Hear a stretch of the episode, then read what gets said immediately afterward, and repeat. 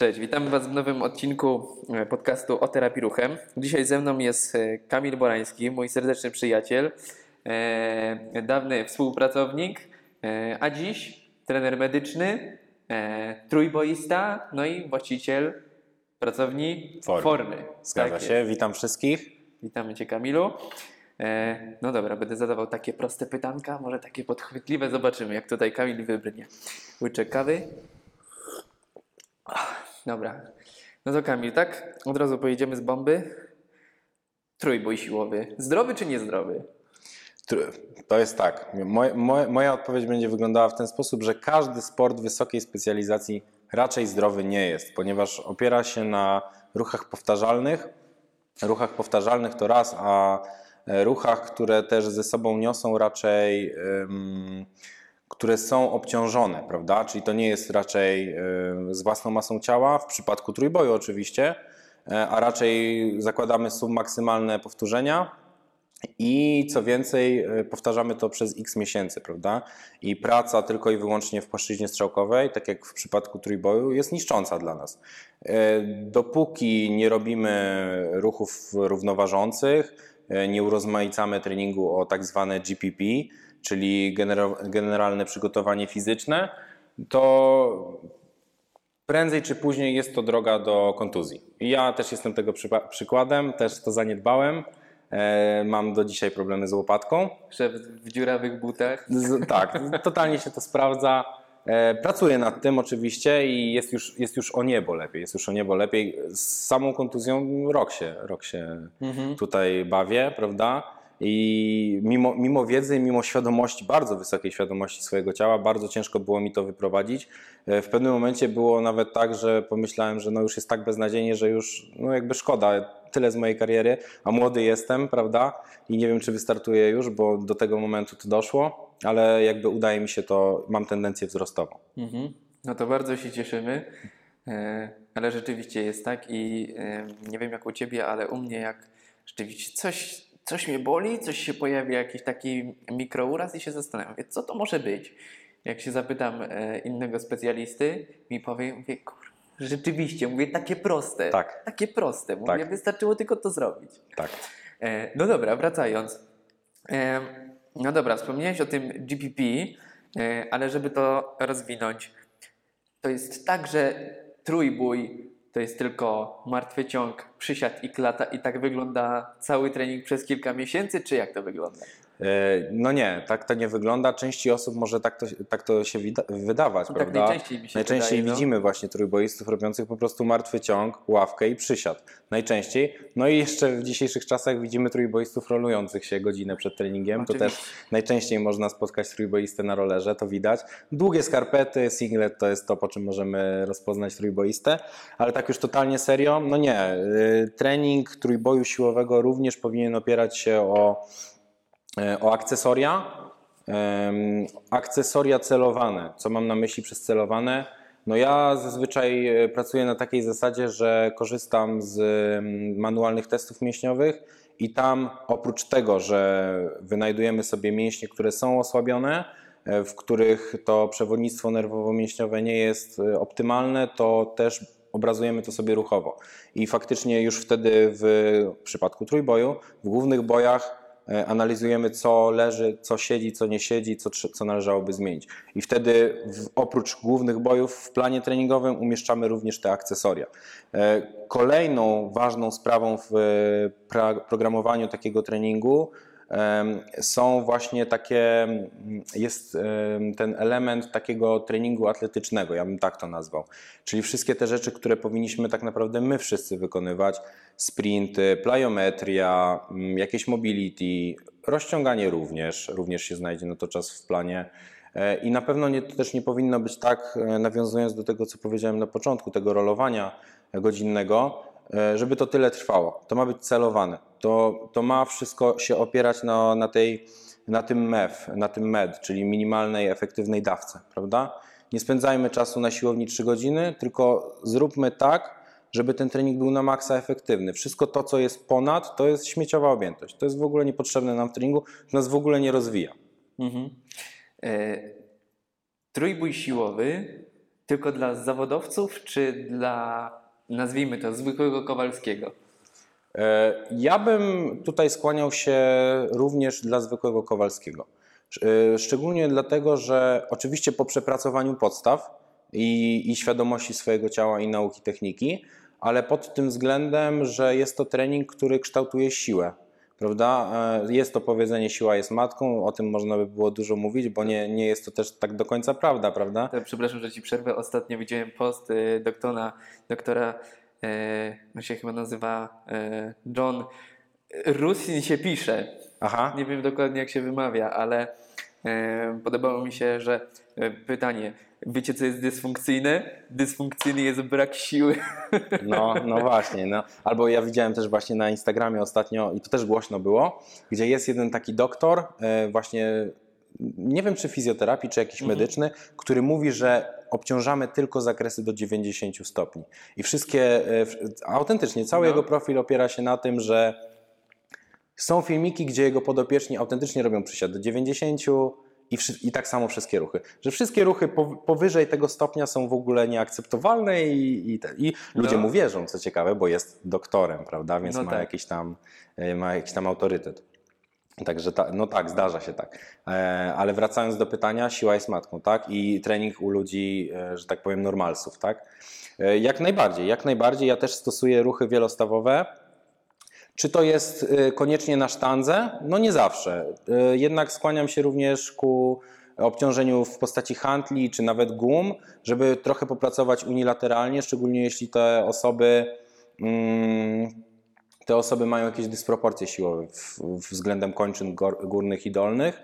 E, tak żeby to wyrównać, a często jest właśnie tak u normalsów, u osób trenujących rekreacyjnie, że tu nosimy plecak na jednej stronie, tu zakupy zawsze po w lewej ręce, prawda, i przychodzimy skrzywieni. E, Także, także trening siły jak najbardziej u osób e, rekreacyjnie trenujących. Mhm. E, był taki gość, on napisał, kurde, nie pamiętam, o, Mark Ripot, tak? Mhm. Dobrze. On wyznaczył, jeśli się nie mylę, któregoś razu jakieś takie stosunki siły, tak? Że jak robisz na przykład, e, Tak, wiem o czym mówisz. e, wiesz o czym mówię, 200 kilo przysiad, to wtedy możesz zacząć plyometrię, to jest to? coś takiego, No. coś takiego. No i jak Dwa razy się, własna masa ciała, to było tak. Jak ty się do tego odniesiesz? Kurde, Jak- powiem Ci, że w realnym świecie, w realnym świecie to nie istnieje przecież. No kto y, zaczyna trening skoczności zanim wejdzie pod sztangę y, w ogóle w przysiad, nie? To Dzieci pierwszy- małe na placu zabaw. No, no, ale to też dużo mówi, nie? Że jednak rozwój dziecka jest tym, czym powinniśmy iść potem w treningu siłowym, nie? Że to, to, jak rozwijają się dzieci, one nie, one nie wiedzą, jak mają się rozwijać, prawda? Te kamienie milowe w rozwoju dziecka to jest coś, co mamy zaprogramowane odgórnie, nie? Nie, nie ma w ogóle dyskusji. I tak też w treningu siłowym powinniśmy działać, zaczynać od pozycji niskich, przetaczania, e, treningu stabilizacji i dopiero potem e, wchodzić w ruchy jakieś tam cięższe, wielostawowe. Co do samego, same, samego tego przelicznika, ja jakby słyszałem o nim, nie, nie brałbym też tego tak totalnie, znaczy totalnie na serio. Wydaje mi się, że to jest bardziej pod względem bezpieczeństwa, bez, bezpieczeństwa obciążenia, prawda? No bo trochę w tym racji jest, że jak zeskakujemy z jakiejś wysokości, no to obciążenie na nasz staw skokowy, staw kolanowy, biodro i wyżej jest dużo większy, prawda? Nasza masa się tam powiedzmy e, multiplikuje. Tak samo jest na przykład w popularnym swingu w, w, z ketlami, gdzie w chwili, gdy idziemy maksymalnie w dół, siła, e, siła która działa na, na nas w postaci ketla, gdy jesteśmy blisko miednicy, to już jest czterokrotnie większa. I mając 20-kilowego kle- ketla, tak naprawdę wyhamowujemy siłę pośladkiem 80 kg. Także to tak samo działa, tak samo działa. Więc bardziej jako ramy takie bezpieczeństwa dla stawów, tak bym to rozpatrywał. Nigdy też, e, myślę, że większość z nas, większość z trenerów e, straciłaby sporą ilość klientów, zanim, e, zanim, jakby, zanim weszliby pod sztangę, ucząc ich skoczności. Tak? Nie po to tu przyszedłem. To by było to, co usłyszą. Mhm. No, zdecydowanie. E, słuchaj, a jak to wygląda na przykład? Hmm, no, zróbmy sobie taki case. Mhm. E, przychodzi sobie pan lat 35, generalnie no, codziennie tak przy biurku z y, 8 godzin, rekreacyjnie basen raz w tygodniu. Yy, sypia w miarę spoko, czasem rybią plecy po prawej stronie, ale on by chciał zrobić przysiad dwie stówki. I co robimy? I To co robimy? Pytanie. To No. pytanie do mnie. Co ja bym zrobił? Mogę odpowiedzieć, nie, nie, nie będę wypowiadał się Mhm. oczywiście za innych trenerów. E, osoba rekreacyjnie trenująca przychodzi do nas, coś tam się rusza, bo pływa, czyli trochę ruchu ma, więc to jest spoko. E, boli go z prawej strony, tak? Pierwsze co robimy to jest w ogóle diagnostyka i wywiad. To są dwie rzeczy, które, od których powinniśmy zacząć. I tutaj, jeśli chodzi o diagnostykę, to pewnie każdy pracuje inaczej, więc tutaj zostawiam sobie e, pole manewru do treneru, dla trenerów. Obrazowanie ruchowe i obszerny wywiad, tak żeby sprawdzić przyczynę, a nie leczyć objaw. Tak? Czyli leczymy to, co powoduje ból, prawda? No i tutaj, w, w taki, jeśli chodzi o najczęstsze przypadki, no to jest po prostu akineza, czyli ten bezruch, prawda, u osób rekreacyjnych i, e, i pozycja siedząca, tak? To są te dwie najczęstsze przyczyny, z którymi się spotykamy. E, Teraz wracając do celu takiego, tak, takiej osoby, no e, ja uważam, że małymi kroczkami i rozumiem, że osoba ma dość duży cel i chciałaby usiąść te 200 kg w przesiadzie, natomiast ja bym tutaj, ja zdecydowanie jestem totalnie szczery, sprowadzam na ziemię, mówię, co musimy zrobić po kolei, po wywiadzie i po testach, mając Twój obecny stan i dopiero wtedy możemy do tego dojść, prawda? Jeśli nie przepracujemy tego, o czym ja mówię, no to stary, nie idziemy dalej. Jakby wiesz, no, albo robimy to po mojemu, albo w ogóle. Jak nie, to masz tutaj namiar na trenera, który, z którym będziesz robił od razu przysiady. I, I easy case, nie? Dla mnie w ten sposób. No, zdecydowanie brzmi to rozsądnie. Em, no dobra, bo studiujesz też Kamil fizjoterapię. Zgadza się. E, zawsze jak razem e, pracowaliśmy, to sobie rozkminialiśmy różne takie Tak. e, ciekawe case'y, przypadki i ja tak myślę, dalej. że nawet śmieszne case. Nawet, było, nawet było, było bardzo śmiesznych case'ów, tak. I słuchaj, jak... Hmm, gdybyś... No, to jest ciężkie pytanie. Gdybyś nie miał takiej wiedzy, no bo nie wiesz, jakby było. No dobra, ale załóżmy, Ale że- zadaj, ale zadaj. Dobra, dobra, zadam. E, bo masz tą wiedzę fizjoterapeutyczną, tak? Aha. Wiesz, e, jak się ruszać, żeby ten ruch miał takie działanie terapeutyczne. Zgadza się. Mm.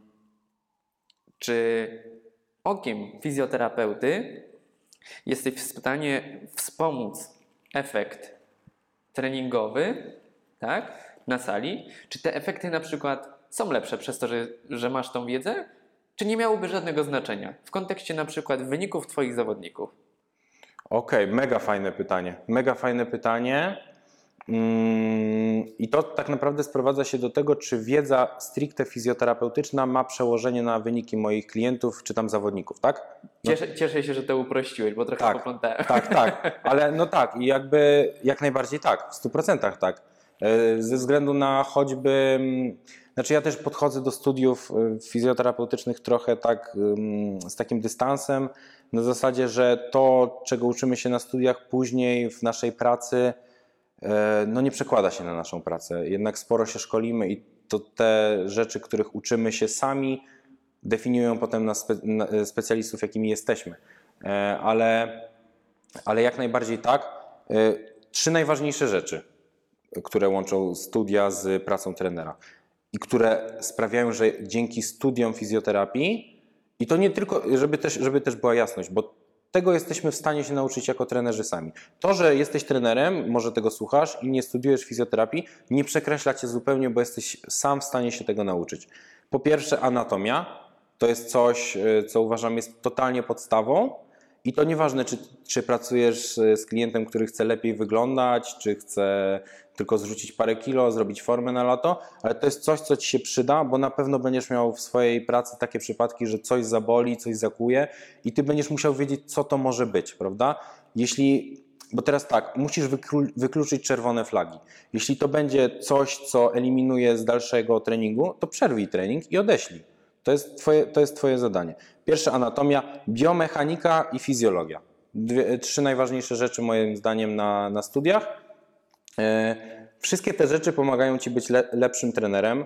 E, analiza ruchu, rozkład sił, to czego się uczyliśmy na studiach, to był pierwszy, drugi rok tak naprawdę. Fizjologia to też był pierwszy, drugi rok. E, I jak to później przełożyć na trening? Jak to później przełożyć na swoich zawodników? W bardzo prosty sposób. Mm, Znając anatomię, znając przyczep początkowy i końcowy, jesteśmy w stanie jakoś, w- jakiś sposób zobrazować sobie wektor siły. Prawda? Ja też zauważyłem, e, że nasi klienci, ci mniej świadomi, w chwili gdy pokażemy im na przykład na tablecie czy na telefonie aplikację z, z atlasem, prawda? Tu, zobacz, tutaj masz e, mięsień piersiowy, on się przyczepia tutaj i tutaj, prawda? I zobacz, jak złączymy sobie te przyczepy, to on się skraca, prawda? I tak samo działasz na wyciskaniu. Później to samo można e, rozrysować osobie z przysiadem, tak? Tutaj masz mięsień czworogłowy z przodu uda, tutaj masz dwugłowy z tyłu uda. I tu pracujemy tym mięśniem, a tu tym mięśniem. On mówi, okej, czaję, dobra, teraz już rozumiem, nie? A w chwili, gdy ty pokazujesz, to ta osoba nie ma takiego spojrzenia jak ty, nie jest tak samo świadoma. Ona, trzeba też mieć jasno powiedziane, że osoby nie czują tak mięśni jak my, prawda? Jakby jesteśmy ileś lat w treningu, znamy swoje ciało na wylot. Także im więcej wiesz, tym, tym prościej jesteś w stanie przetłumaczyć daną rzecz swojemu klientowi. I chyba to się wszystko do tego sprowadza. Em, Poruszyłeś ciekawy temat, który chciałbym, żebyśmy sobie trochę rozwinęli. Jak często w swojej pracy spotykasz się z takim lękiem przed ruchem, z kinezjofobią tak zwaną? Z tym, że y, człowieku czasem nawet nic nie boli, to o czym też rozmawialiśmy jeszcze przed podcastem, y, a jednak ten ruch nie chce nastąpić, bo jest taki jakieś... e, Jest ten strach. tak. E, Jak często? E, Szczerze, szczerze nie tak często, jakbym się spodziewał. To znaczy mam, tutaj bardziej bym użył słowa pacjent, ludzi po jakichś tam urazach i to są najczęściej ci ludzie. Ludzie bez urazów raczej takiej kinezjofobii nie mają. Raczej, raczej, raczej ich brak ruchu wynika z braku świadomości tego, że powinni się ruszać. Tak bym to określił.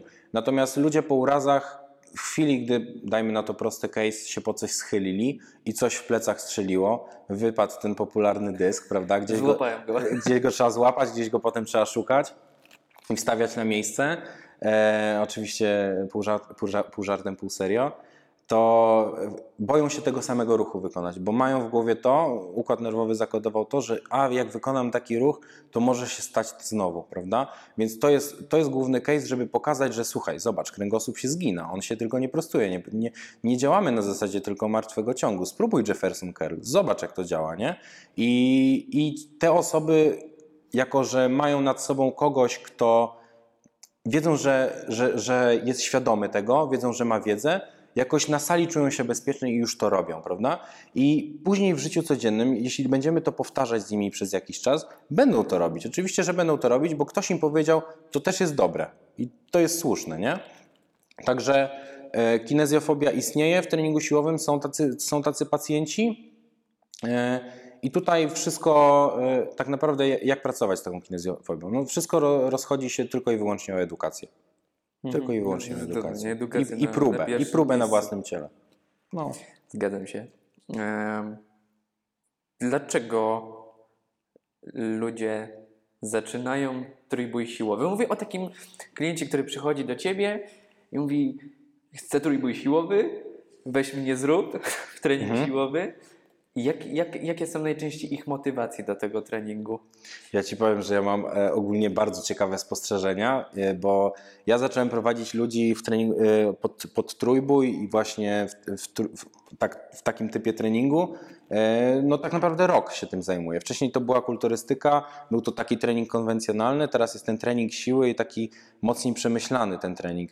I mam takie spostrzeżenia, że ludzie, którzy przychodzą do mnie na trójbój siłowy, to są ludzie, którzy Mm, najczęściej mają coś związa związanego z matematyką, z jakąś analizą. To, to, autentycznie, to są No. ludzie, którzy są po studiach, programist, to są programiści, to są informatycy. Najczęściej, autentycznie najczęściej to są te osoby. Nie wiem, jaka jest w tym zależność, musiałbym zrobić jakieś badania, ale to jest 90% moich klientów. I to. I to są specyficzni ludzie, prawda? Bo to są ludzie, którzy muszą mieć tabelki, muszą mieć jasno wyliczone, muszą mieć no wszystko. Idealnie Ide- podprogramowanie. Idealnie. I to musi się wszystko zgadzać. Musi się zgadzać czas treningu, tętno, liczba powtórzeń, ciężar przerzucony, tonaż, wszystko, autentycznie wszystko. Jak się coś nie zgadza, raz miałem taki przypadek, że zapomniałem zapisać tempa w danym ćwiczeniu, bo uważałem, że ono nie było po prostu istotne. To taka osoba potrafi mi to wypomnieć, prawda? Także to, tam wszystko autentycznie musi być na tip-top. E, No więc y, to mniej więcej obrazuje, jakiego typu to są osoby, ale to też ja mam ich większość, nie wiem jak reszta trenerów. Są też osoby, które po prostu chcą wzmocnić swoją siłę, tak? Chcą być silniejsi, bo na przykład, i takie przypadki też mam, pomoże im to w dyscyplinie sportowej. To też jest bardzo często. Fighterzy na przykład. I tam też ten trening jest programowany zupełnie inaczej, tak żeby nie ograniczyć ruchów. E, Kto jeszcze? Miałem e, golfistę, miałem Tenisiści również się zdarzali, także są ludzie, którzy potrzebują po prostu więcej siły, tej eksplozywnej, tej dynamicznej, prawda? I w tym również trening siłowy może nam pomóc, taki trójbojowy. Mhm. E, wspomniałeś o programowaniu. E, jak to słuchaj wygląda e, w trójboju? Czy dzielimy to jakieś, no nie wiem, tygodnie, miesiące, lata i tak dalej? Tak, to tak. wygląda? Mamy mezocykle, mamy mikrocykle. Ja zazwyczaj opieram się na takim e, programowaniu czterotygodniowym. Uważam, że jest to 4-6 tygodni. Uważam, że jest to okres, w którym e, możemy nab- nabyć dopiero adaptację. I to, to się tyczy wszystkiego, w rehabilitacji również. Jeśli mamy e, jakiś tam uraz, prawda, i chcemy go wyprowadzić, no to nie zmieniamy ćwiczeń co trening, tylko trzymamy się tego 4-6 tygodni, tak, żeby zobaczyć, jak to faktycznie na nas działa. I tak samo jest w trójboju.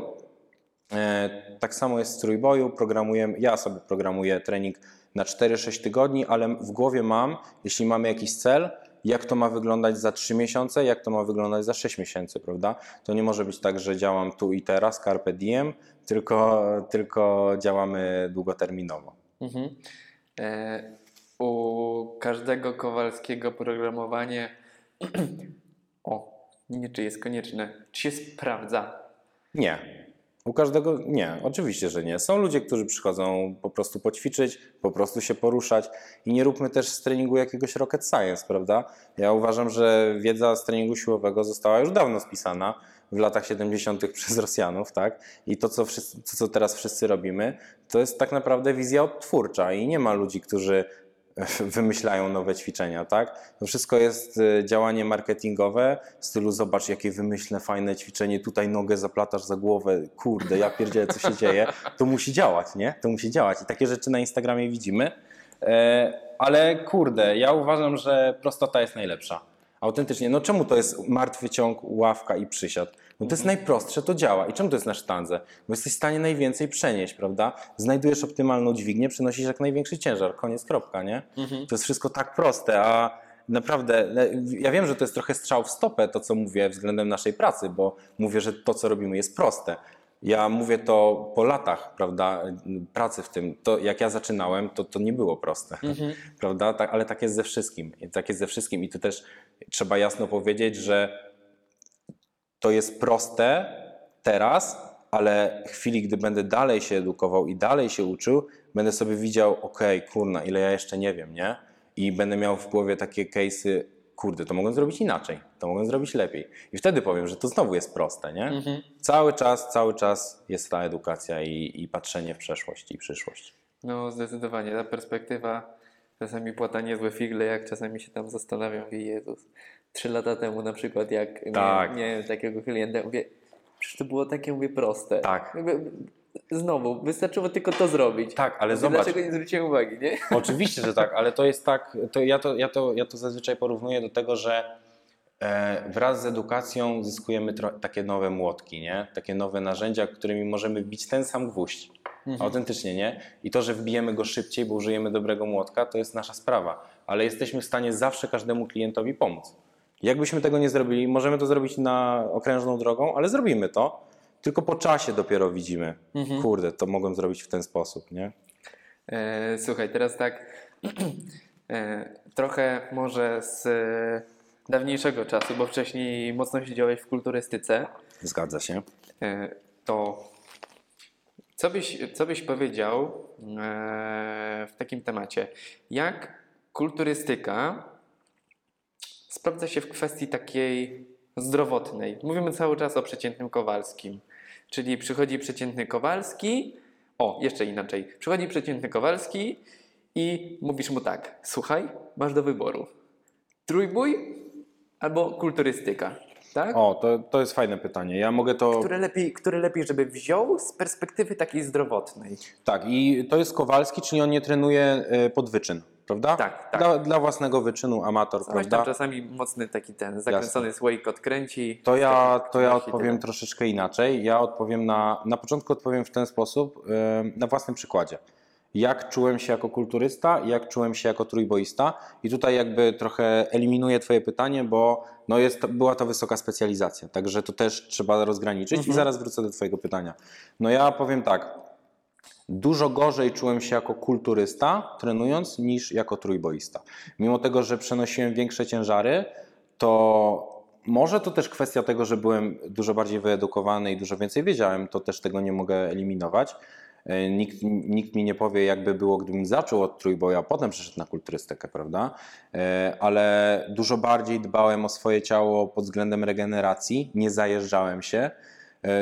I tutaj jakby jest dość duży, no, duży ukłon w stronę kulturystów, bo to są, to są mistrzowie adaptacji, autentycznie. E, Gdy trenu, ja taki sam byłem zresztą, więc też o sobie mówię. E, No, to jest taki sport, który raz, że sprawdza Twój charakter i to naprawdę na wysokim poziomie, to też sprawdza Twoje granice wytrzymałości i to pod każdym względem, psychicznym i fizycznym. A jeśli chodzi o trójbój, też jest tak, oczywiście, bo też dążymy do, do, do wielkiego wyniku, też mamy okres pikowania, E, ale wracając właśnie do samopoczucia, to główna kwestia, mam wrażenie, opiera się o to, że i tu, i tu mieliśmy e, ruchy powtarzające się, prawda? Mieliśmy zapro, zaprogramowany trening, ale tak totalnie szczerze, jestem, byłbym w stanie przygotować się do kulturystyki jadąc jednym treningiem, nic nie zmieniając. Manipulując oczywiście tylko dietą.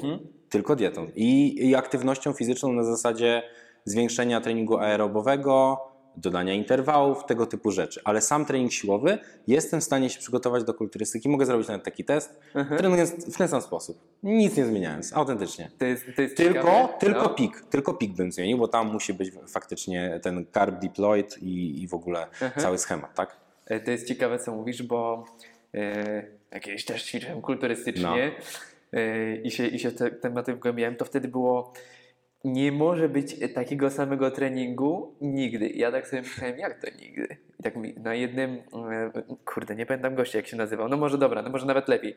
Mówi tak, pierwszy trening musisz na przykład zrobić 8 powtórzeń, drugi, żeby zaskoczyć organizm, to 13 daj nieparzyście. Ale, ale I takie różne, w ogóle pozmieniać ćwiczenia, wszystko, tak, nie? tak, ale w ogóle nie wiem, czy też zauważyłeś to u siebie w pracy. E, Czy ty kiedyś komuś odliczyłeś 7 powtórzeń? To jest jakaś mityczna liczba. Nikt, jest 8 albo 6. Nie ma 7 stary. 7 to, jest, o, 7 to nie jest jeszcze hipertrofia, to nie jest jeszcze siła, to Tak, jest tak, tak, tak, tak, tak. 7 to się cofasz. Cofasz się w rozwoju. To taka dygresja. No, no tak jest. No. Co ci mogę powiedzieć? No, ku- kulturystyka i trójbój jest specyficznym sportem, to trzeba powiedzieć. Mm. Pod względem zdrowotnym takie pytanie mi zadałeś, która jest lepsza. I e, Tak, są trenując- takie, wiesz, d- y, dwie pary drzwi, No. jest kulturystyka, trójbój. W co wchodzisz? ale Masz wypisane takie, wiesz, plusy, minusy. O, po trzy plusy i minusy. po trzy plusy i minusy Tak. względem zdrowia. I, ale mówimy o treningu. Dobra, rzuca, rzucajmy w ogóle wszystkiego. Okej, w sensie wszystkiego, wszystkiego. Wszystkiego, wszystkiego. Plusy treningu, zacznę od trójboju. Plusy trening, e, trójboju. E, no, siła w pełnych zakresach. Jeśli trenujesz, oczywiście w pełnych zakresach. To jest pierwszy plus dla mnie. E, drugim plusem jest, jest bo to, bo to pamiętasz, znasz to, znasz to pojęcie, jesteś tak silny jak swoje najsłabsze ogniwo. I to, i to z, tym, z tym się wiąże właśnie ten kolejny plus. Czyli znając swoje słabe ogniwa, jesteś w stanie je wzmocnić, czyli ta świadomość. Bo no bez tego trójboistą nie zostaniesz moim zdaniem, więc ta, na, jak, jak bardzo amatorem byś nie był, to raczej wiesz, więc to zakładam. Minusem byłoby e, brak dbania o e, taki mm, o układ e, kardiowaskular, tak? czyli o sercowo-naczyniowy. O. słowa mi zabrakło, bo tam część trójboistów faktycznie, i to właśnie rekreacyjnie trenujących, zaniedbuje trening cardio interwałowy i to jest też e, to coś, co długi czas e, powstrzymywało mnie przed trójbojem, czyli właśnie ten wygląd trójboisty, bo nam się kojarzy z otyłym człowiekiem, nie? To jest gruby facet, który dużo Tak, dźwiga, tak, tak. I nie? ma, I ma ten taki śmieszny pas na pępku. I ma śmieszny Nie? pas na pępku. No, dokładnie. Często jeszcze telewizory pod pachami, tak? To się Tak, zdarza tak, też tak. w kulturystyce. No i to jest minus właśnie kulturystyki, czyli ta hipertrofia niefunkcjonalna, nie? Czyli coś, co nas totalnie ogranicza, bo jeśli znowu celujemy w wyczyn, w wysoką specjalizację, to robimy wszystko, żeby być najlepszym. Ja zawsze miałem takie podejście. No nie wiem, pewnie będziesz miał jeszcze y, podcasty z jakimiś zawodnikami i jeśli ktoś ci powie, że jedzie na zawody nie po to, żeby wygrać, to moim zdaniem kłamie. A wiesz, bo ja jadę się sprawdzić. Chuja jedziesz się sprawdzić, tylko jesteś niepewny siebie i nie powiesz, że nie jedziesz wygrać. Dokładnie tak to jest. I, i, I ja tak samo podchodzę w każdej kwestii, prawda? Więc wracając do minusu, minus jest taki, e, że tracimy zakresy ruchomości. No bo jednak mięsień trochę miejsca zajmuje. Od przyczepu do przyczepu nie jesteśmy w stanie zgiąć tak mocno ręki. Wiadomo, telefon na drugą stronę odbieramy. Bardzo popularny case, prawda? E, oczywiście przesadzam, oczywiście nigdy tak nie było, też w zależności od tego, w jakiej kategorii startujemy, to też trzeba powiedzieć. Kłamie, widziałem jak rozmawiał przez telefon przed rozmową. Dokładnie, dlatego, dlatego teraz mam tutaj taki głośniczek i, i mogę mówić trzeba niego. trzymać. Nie trzeba nic trzymać, bo żeby ręka ścierpła. Do, takiej ilości powtórzeń nie jestem przyzwyczajony, nie? Izometrii. E, to, to, jest, to, to jest minus, który mi przychodzi. E, no, jeśli chodzi o kulturystykę, bezsenność to był. Ja mówię tak jak zawsze, na, na swoim przykładzie. Bezsenność to jest coś, z czym bardzo długo się zmagałem. Z czego to może wynikać? Ze zmęczenia. Ja jestem tego pewien, że jednak e, duża ilość e, jednostek treningowych w tygodniu, już pod sam koniec, wiadomo, no i duża ilość aktywności fizycznej e, względem właśnie treningu aerobowego zaplanowanego, tak? Bo to e, jest tak, oczywiście bardzo dużo da się zrobić deficytem kalorycznym, ale w pewnym momencie, żeby zejść do maksymalnie niskiego poziomu tkanki tłuszczowej, no będziemy musieli raczej to cardio włoż- wdrożyć, szczególnie jeśli startujemy w kategorii klasycznej i chcemy się dociąć no, do tak popularnych pręgów na pośladkach, tak? E, To był zawsze ten wyznacznik. E, Więc bezsenność, ogólne zmęczenie. Mówię pod sam koniec, bo jesteśmy w stanie większość czasu redukcji przeprowadzić na zasadzie dobrego samopoczucia, jeśli zrobimy to umiejętnie i mamy wystarczającą ilość czasu do zawodów. Trzy miesiące to jest coś, co zazwyczaj warto zostawić, tak? Nie robić tego e, dwa tygodnie przed zawodami, wiadomo. Więc bez, bezsilność, takie ogólne zmęczenie i moim zdaniem taki minus z perspektywy czasu to jest taki bardziej psychologiczny, bym powiedział. Na takiej zasadzie, że kulturyści priorytetyzują trening tak totalnie, nie? że trening to jest najważniejsze, co mam zrobić w ciągu dnia. I, I tam ma być wszystko podłożone pod to. Twoje posiłki, twoja praca musi być. Pod... Chcesz trening, e, twój klient dzwoni do ciebie, chcesz, chcę trening o, czter, o 14, to ja mam trening stary. Nie, nie, nie ma opcji w ogóle. Ja mam swój trening, ty musisz poczekać. No, i, I to jest coś, z czego ja jestem obecnie najbardziej dumny w swoim życiu, autentycznie, że wyszedłem z trochę z takiego. E, takiego zafiksowania się na, na sylwetkę, na trening siłowy. Ja muszę to jasno powiedzieć, że ja zaczynałem od bardzo chudego chłopaka, ale nigdy nie miałem kompleksów. Co ciekawe, ja byłem chudy, ja wiedziałem o tym, ale totalny light, nie? Jakby nie przeszkadzało mi to zupełnie.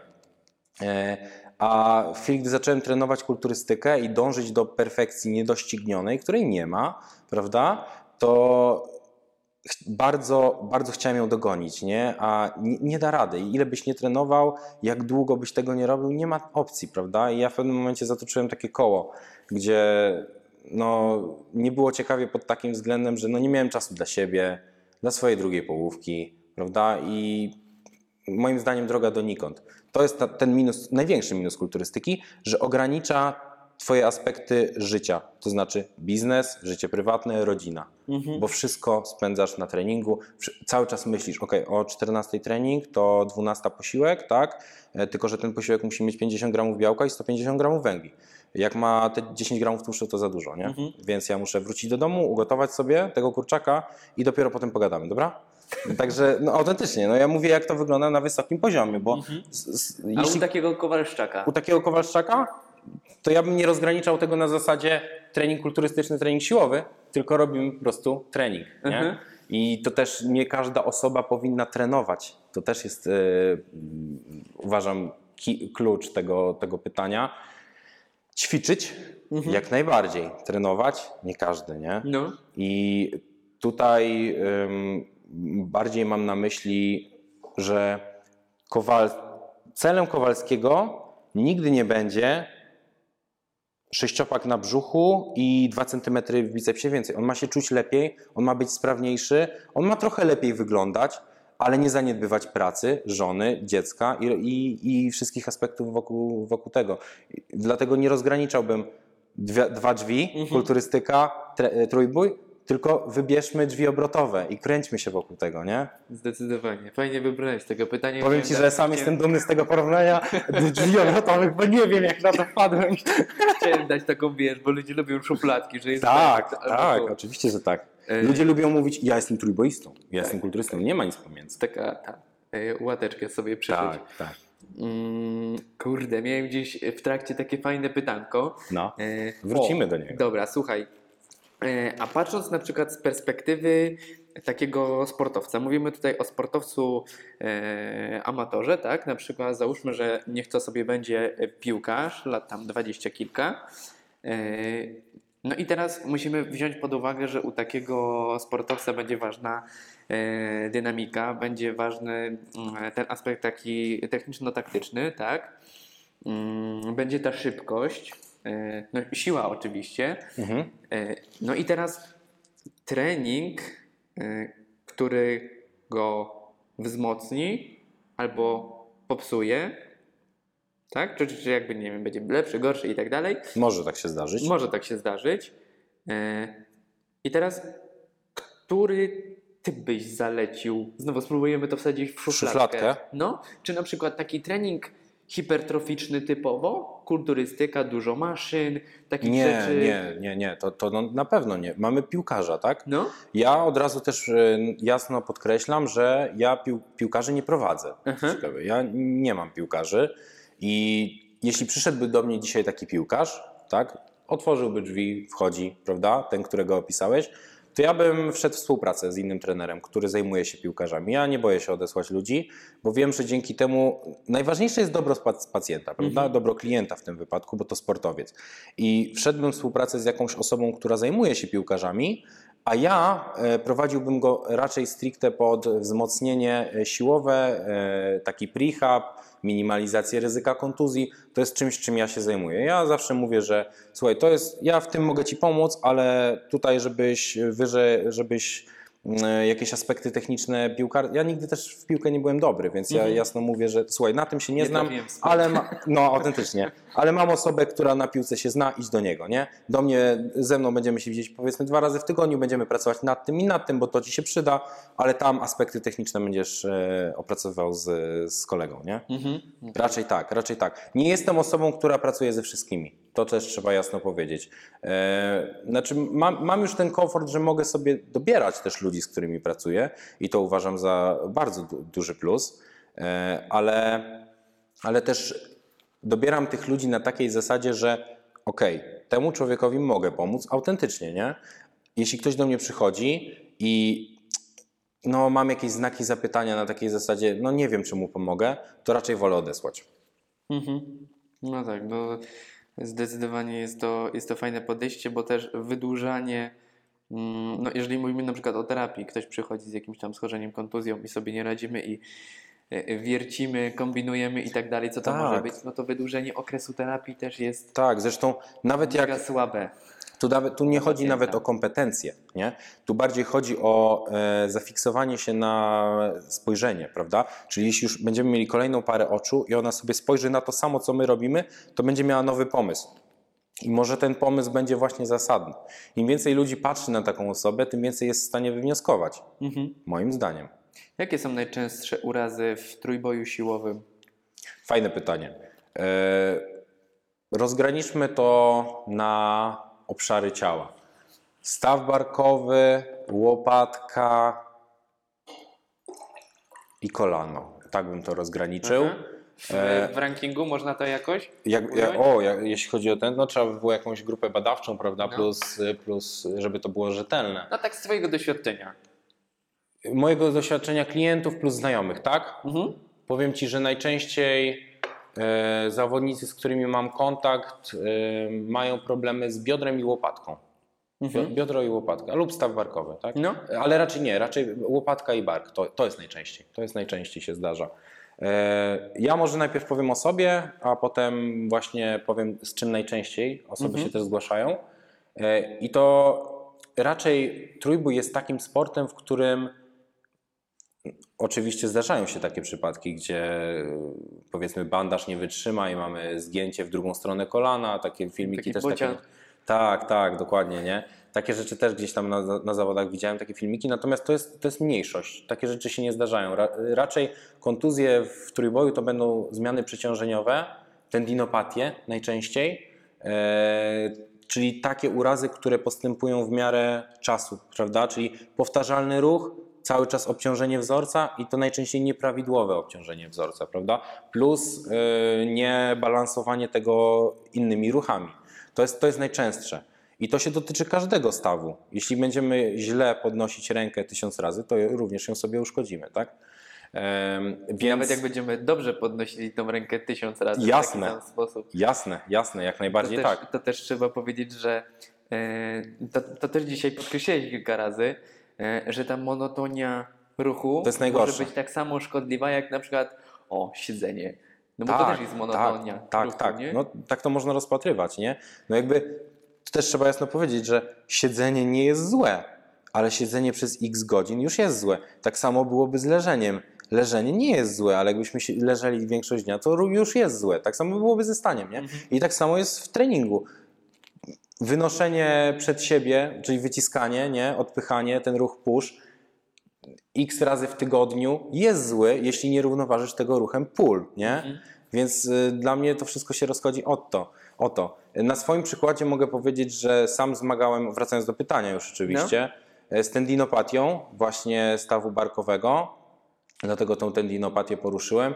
Y, I to, to był bardziej okres, w którym ja przechodziłem z kulturystyki na trójbój. I, I faktycznie za priorytet obrałem sobie wzmocnienie ruchu push nad głowę. Nie? I bardzo dużo wyciskałem nad głowę, nadbawiłem się tendinopatii. Bardzo sprawnie ją wyleczyłem. Autentycznie myślałem o jakichś tam komórkach macierzystych, żeby wspomóc regenerację tego ścięgna, ale to jest też e, etap, w którym ja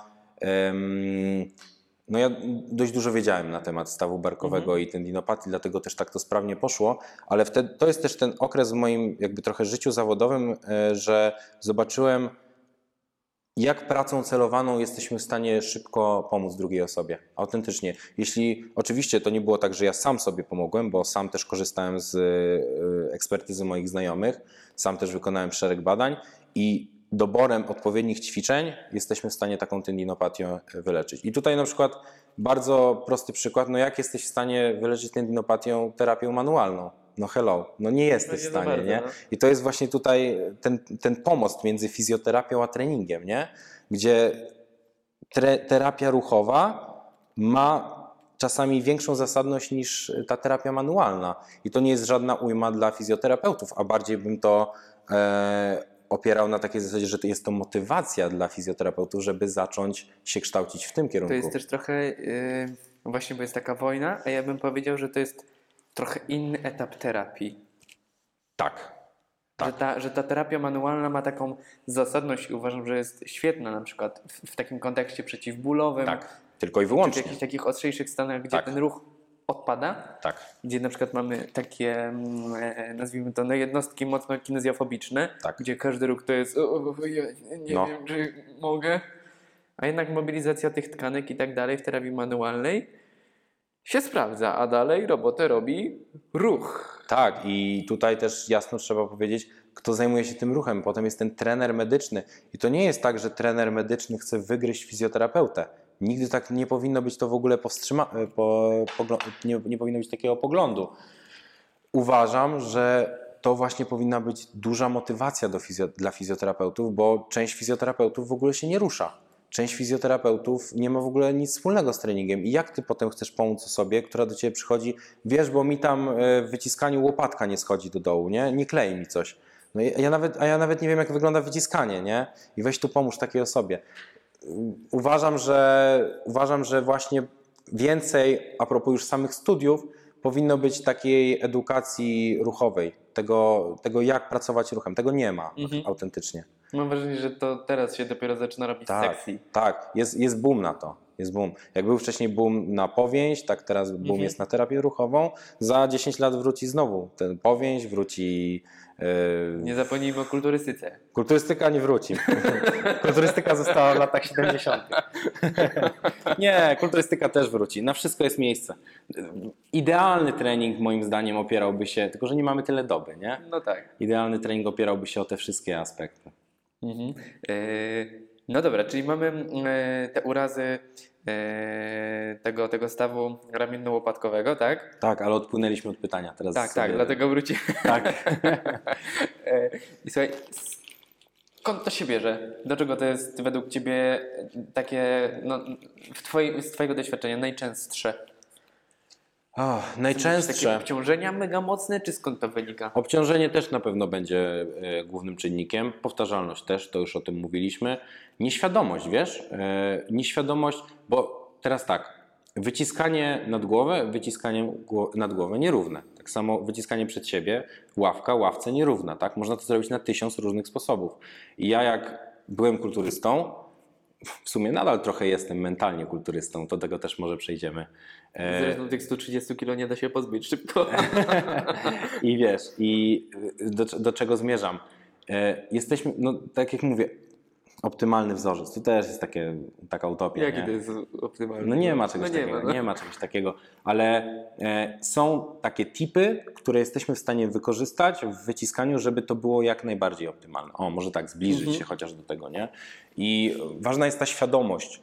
To znaczy, wracając do tej kulturystyki, jak trenowałem kulturystykę, też robiłem ławkę płaską, ale nie skupiałem się zupełnie na tym, żeby tu rozciągnąć sztangę, tam łopatkę w dół, tutaj mostek. Nie dbałem o to, nie? znaleźć u góry i dziękuję. No, znaleźć u góry, ale jeszcze mind-muscle connection, tak? A, Czyli oczywiście. tutaj y, przyczepy zbliżyć, tutaj mocno dopiąć, przytrzymać i tyle. Kabel z mózgu do cycka. Dokładnie, dokładnie tak. A dopiero gdy zacząłem trenować trójbój, zauważyłem, ile rzeczy robiłem źle i jak e, mógłbym przeanalizować ten ruch lepiej, tak? Więc i to jest też ciekawy case względem tego, jakie urazy miałem jako kulturysta, a jakie trójboista, bo jako trójboista miałem dużo mniej urazów, to trzeba jasno powiedzieć. Że, no, tak jak powiedziałem na samym początku, jako trójboista czuję się dużo lepiej, dużo lepiej, czuję się zdrowszy. Czyli możemy w sumie wrócić do tam pytania wcześniej, Tak. że w sumie ten trójbój może być zdrowszy niż kulturystyka. Autentycznie, oczywiście, że może być zdrowszy. Już nawet, nie, już nawet pomijam. Pomimo, pomimo, przepraszam, że ci przerwę, że się wydaje, e, mam tak z doświadczenia, że jak e, ludzie widzą tych e, wielkich wujaszków, e, co kładą sobie ponad dwie stówy na plecy i siadają, to jest takie, kurde, oni sobie zaraz złamią kręgosłup. Tak, tak. Nie, że to jeszcze chwila, on będzie w szpitalu. Tak, bo wiesz, przeciętny Kowalski. A, a maszynki są bezpieczne. Maszynki są bezpieczne, oczywiście, że tak. No słuchaj, no przeciętny Kowalski patrząc na trójboistę nie, nie widzi. To jest tak ze wszystkim, słuchaj. Gdy widzisz osobę na podium, widzisz osobę na podium. Tak? Wygrał medal, super, nie? A droga, która go doprowadziła do tego, nie znasz jej, nie? Nie wiesz, ile on miał problemów i ja, jaką drogę przeszedł. Tak samo jest z tym trójboistą, którego opisałeś. On się do tych 200 kilo przygotował poprzednie 3 miesiące, żeby to targnąć, tak? I to jest ta jego najsilniejsza dyspozycja siłowa w ciągu tego dnia, prawda? No i ludzie tego nie wiedzą. E, więc, więc, więc tak, więc, więc to jest to. To jest właściwie kluczem i odpowiedzią, nie? że to zdrowie wynika z zaprogra- zaprogramowania i takiej, linii, takiej liniowości tego, nie? Czyli nie, nie, nie ma nigdy tak, że kurde, wiesz co, w piątek to ja robię życiówkę? Bo tak sobie postanowiłem. No nie, do tego się przygotowujesz, nie? Mhm. To chyba, chyba wydaje mi się, że o to, o to w tym wszystkim się rozchodzi. Od przysiadów bolą kolana, a od martwego ciągu plecy?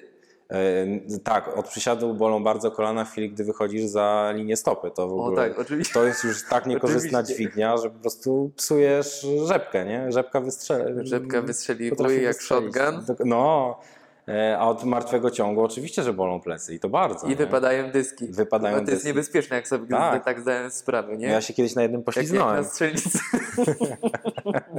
ale potem oddałem właścicielowi. Ale sz- szyderowo. Nie no, tak totalnie szczerze. I martwy ciąg jest bardzo zasadny, i zgięcie kręgosłupa jest bardzo zasadne. I tego powinno być w treningu takim Ko- Kowalskiego tyle samo, moim zdaniem. Martwy ciąg e, jest zdrowy dla pleców, czy raczej niezdrowy? Zdrowy. Martwy ciąg jest najlepszą dźwignią, jaką możemy wykorzystać, żeby coś podnieść. Koniec, kropka i nawet nie ma sensu rozwijać dalej. Można? Za moment. Dobra. No. E, dobra, słuchajcie, bo e, ściga nas czas. Jeszcze E, mamy, jeszcze mamy. Jeszcze mamy, dobra, mamy 10 minut. E, 24. dobra. Czekajcie, czy... 14, 14, przepraszam. Do 14. 14.30 mamy czas. Dobra, idealnie. E, czyli było tak. A, a te przysiady. Dobre na kolana, czy niedobre? Kolana? Yy, kolana. Przysiady. Przysiady. E, Przysiady też dobre, też dobre. I to Powinno wychodzić kolana za palce, czy nie? oczywiście, że powinno. No, na, na przykład mi. Ja jestem wysoką osobą i ciężko by mi było tak ułożyć się. No, no, ja, żeby kolano mi nie wyszło za linię palców, musiałbym się wywrócić do tyłu i dokończyć przysiad leżąc na plecach, nie? To jest jedyna opcja dla mnie. Są osoby, które mają takie, taką proporcję goleni do, do uda, że po prostu to, udo, to kolano wyjdzie poza linię palców i nie ma nic z tym złego. E, ja bardziej rozpatruję to na takiej zasadzie, e, na, na przykład na zasadzie, jeśli mamy jakieś krepitacje, czyli coś nam strzela, na przykład kolano nam strzela. Słuchaj, jeśli nie boli, to nic ci się nie dzieje. Działamy, nie? Bardzo proste. Tak samo jest z tym, z tym przysiadem. Mhm. E, co byś zalecił osobom, które chcą na własną rękę zacząć e, uprawiać, no dobra, już nie, nie tego, trening siłowy, tak dla siebie. Mm, osoby nie za bardzo bólowe, po prostu jakby zaczynają sport Zaczynają i akurat tak mi się spodobało, takie dźwiganie ciężarów. To mm, co byś im polecił? O, takie wiem. Trzy złote rady. Trzy złote rady. Ja pierwsza w ogóle rada to jest w ogóle znaleźć naprawdę ogarniętego trenera. To zdecydowanie y, ułatwia dojście do celu, jaki sobie założysz. Autentycznie. Ja przypominając swoje pierwsze, pierwszy rok treningów na siłowni, no to to był dramat. To było w ogóle nieusystematyzowane. Po prostu coś tam przychodzisz, coś tam podźwigasz, nie masz efektów, demotywujesz się, nie macie na siłowni. Naj, naj, naj, naj, najczęstszy case, prawda? Znaleźć ogarniętego trenera, edukować się na własną rękę, to będzie druga rada. Em, I co jeszcze? E, I nie zamykać się w ramach treningu, czyli właśnie nie szufladkować tego. Nawet ja, ja często też powtarzam, e, tylko że to już bardziej a propos klientów takich bólowych, albo właśnie gdy korygujemy sobie coś. Słuchaj, nie patrz na to jak na trening, nie? To nie jest tak, że musisz się przebrać, wziąć ręcznik, napełnić bidą z wodą i teraz wykonywać te ćwiczenia, tylko traktuj to jako styl życia. W sensie oglądasz telewizję, spędź trochę czasu w tej pozycji przysiadu. Nie mamy tego zgięcia w stawie skokowym, to trochę zrób trochę spięć na palce w ciągu dnia. Przydać się to naprawdę, nie? I takie szufladkowanie czegokolwiek jest najbardziej, najbardziej szkodliwe, mam wrażenie, nie? Więc y, osoba, która przeprowadzi cię przez proces i zaszczepi w tobie taką motywację do tego procesu. I mówię, sz- szczególnie podkreślam słowo proces, żeby to nie było tylko cel, cel, cel, a zakochać się w tym procesie. Ja wiem, że to jest taki slogan kulturystyczny, zakochaj się w procesie, no pain, no gain, No. ale to jest autentycznie co, bo jeśli będziesz cieszył się z procesu, to nie będziesz myślał tak bardzo o efekcie końcowym, tylko będziesz miał fan z tego, co robisz na co dzień. Efekt uboczny. Efekt uboczny. Czyli o. podsumowując, po pierwsze, znajdź ogarniętego specjalistę. Po drugie, ucz się na własną rękę. Po trzecie, zrób z tego styl życia, a nie y, konkretnie godzinny trening. Zdecydowanie tak. Skąd wiedza? Skąd czerpać wiedzę? E, ja tutaj mógłbyś się spotkać pewnie z różnymi odpowiedziami. Część osób e, powiedziałaby, że książki. i jak najbardziej okej. Ja również czytam literaturę branżową, nie czytam książek takich y, rekreacyjnych, nie czytam... Masz jakiś tytuł? Taką, Który mógłbym polecić? Taką top jedną petardę dla To nie początkującego... poleciłbym nigdy jednej. Nie pole... Dla początko... początkowego trenera czy fizjoterapeuty? Yy, Dla osoby, która w ogóle chce, chce zacząć trenować i tak wiesz, yy, no nie wiem, filmiki na YouTubie mu nie siadają i właśnie taki bardziej jest książkowy. Czy Książkowy. masz jakąś taką jedną petardę? Jedną petardę dla, dla Kowalskiego. Takiej petardy nie mam. Takiej petardy nie mam, bo ja... Sprawny jak Lampard? Nie, nie, nie polecę tej książki. nie, no comment. Pomidor. e, ale no, wiesz co? E, po- opowiem Ci taki case. Opowiem Ci taki case, jak ja robiłem em, sw- trenera, swojego trenera personalnego, kurs, szkolenie. To, to było 7 lat temu już chyba. To było 7 lat temu. Nawet więcej, 8.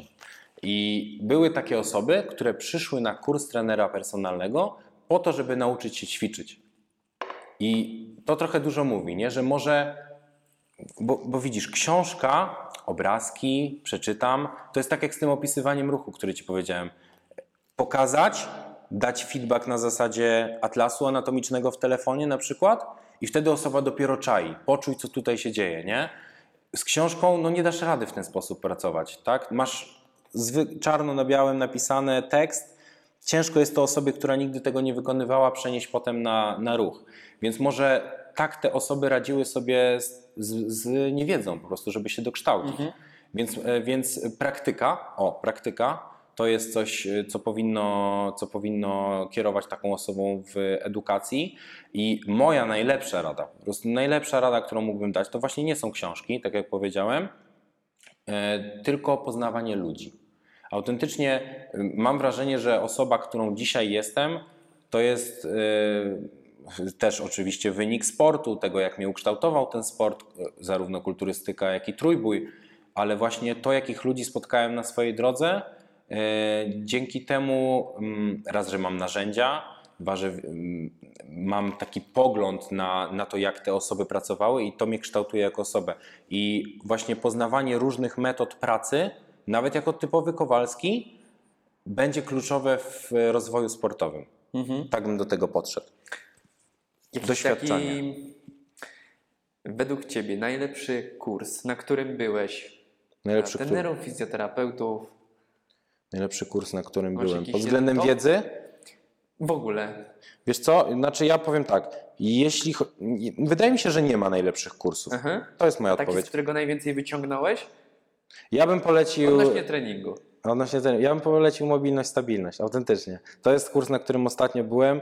E, Powiem to, co mi się podobało i będzie to trochę reklama dla Centrum Szkoleń Sportowych. No. Czemu nie? Bo zrobili kawał dobrej roboty i to właściwie Mariusz Dzięcioł i Ko- Konrad. Ja z Konradem w ogóle znam się bardzo długo. Znamy się.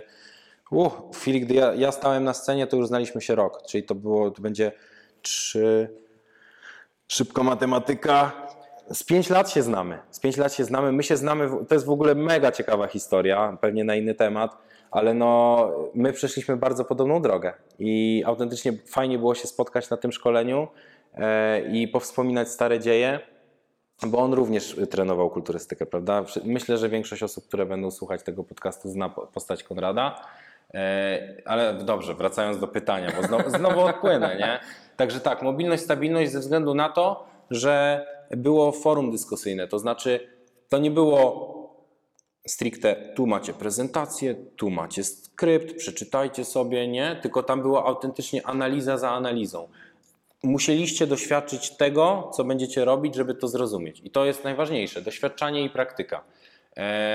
Także to szkolenie bym polecił, ale ja też mam takie podejście do szkoleń, że mm, nie- ma takich game changerów już na takim etapie, mi się wydaje, że nie, nie ma takiego szkolenia, że wow, to mi, to mi w ogóle zniszczyło mózg i teraz będę pracował w taki A sposób. kiedyś takie miałeś? Miałem na samym początku. Na, na samym początku to jest w ogóle no to jest ta krzywa e, e, efekt Denninga Krugera, nie? Gdzie im, im głupszy jesteś, tak, tym wydaje ci się, że jesteś najlepszym specjalistą na świecie, nie? Ale to jest, to jest totalnie prawda. Ja w chwili, gdy robiłem pierwsze szkolenia, e, kinesiotaping, to ja myślałem, że ja będę tym leczył ludzi, nie? Że ja nakleję plaster i I do widzenia, jesteś zdrowy, nie?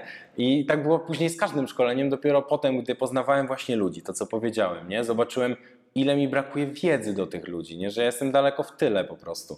I, i, takie, I takie spojrzenie jest mega istotne, żeby cały czas wiedzieć, jak głupim jesteś, tak totalnie najprościej powiedzieć co. E, Bo wtedy masz taki drive, taką motywację do tego, żeby cały czas się kształcić. Także ja bardziej, tak wracając, bardziej patrzę na szkolenia, że nawet jeśli będzie ta jedna rzecz, którą wyciągnę ze szkolenia i przełożę to potem na salę treningową z moimi klientami, to to już jest sukces. To już jest sukces. I to nie musi być y, wiedza merytoryczna, ale nawet techniki, takie rozmowy, tego typu, prawda? Mhm. Że jak najbardziej. Super.